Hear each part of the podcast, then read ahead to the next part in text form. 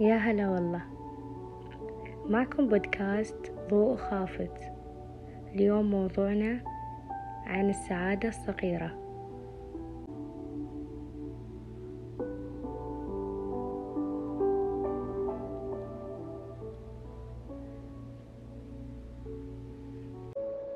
فمثلا فوزك بمليون ريال يجعلك سعيدا وشراؤك لفيلا جديدة.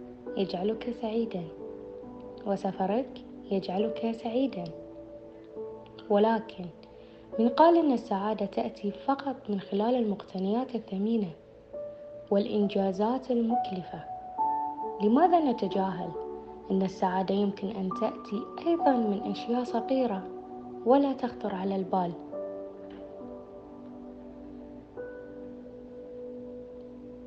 لو كانت السعادة مرتبطة بالمال لما ضحك فقيرا ولا ابتسم جائعا ولا سعد بائسا. ولكن الحقيقة هي أن معظم الفقراء يملكون مستوى أكبر من السعادة وراحة البال. كونهم يستخلصونها من مصادر غير مالية لا يعرفها الأثرياء. مصادر غير مادية أو مكلفة تجعلهم أقل توترا وخوفا من فقد الثروة والمقتنيات المادية ذاتها.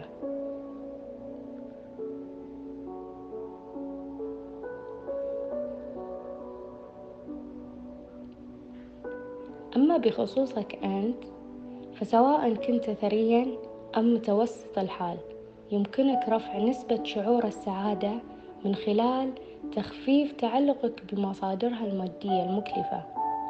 والتركيز أكثر على مصادرها النوعية الصغيرة فحين تتصل بصديق عزيز فقدته وحين تبتسم في وجه عامل المحطة وحين تمنح والدتك مبلغ يفوق حاجاتها وحين تفاجئ زوجتك بهدية تتمناها.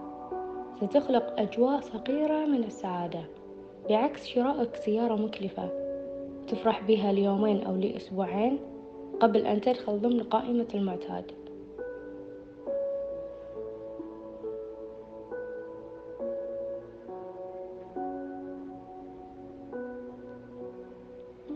وأنا شخصيا أتخيل أن لكل إنسان قائمة من السعادة تتضمن عناصر قد لا يشترك بها مع غيره. لهذا السبب سأبدأ بنفسي وأخبركم بقائمتي الشخصية. فلو سألتني مثلا عن أبرز الأشياء الصغيرة التي تشعرني بالسعادة لقلت لك أصدقائي يضحكونني حتى البكاء تأمل البحر وصوت الأمواج. شم عطري المفضل قبل النوم وصول طلبات طلبتها من موقع يوم اجتماع عائلتي. 15 من الشهر حين اكتمال القمر. وأخيرا رائحة الأرض بعد المطر وأجواء المطر. كل ما سبق هذه مجرد نماذج لجرعات بسيطة من السعادة. وفي الختام أن تبحث عن السعادة لا يعني أنها نادرة. وإن لا تراها لا يعني أنها مستحيلة. للسعادة ألف باب. هناك ألف طريقة لتسعد نفسك وطريقة واحدة أنصحك بها. تعلم أن تسعد نفسك بإسعاد غيرك. فلا تظن أن الوقت الذي يمضي في نفع غيرك هو لهم وإنما هو لك. لا يوجد شعور أجمل من شعور العطاء والسعادة للآخرين. وبقدر ما تتمنى الخير وتقدمه لغيرك ثق إنه سيأتيك اضعافه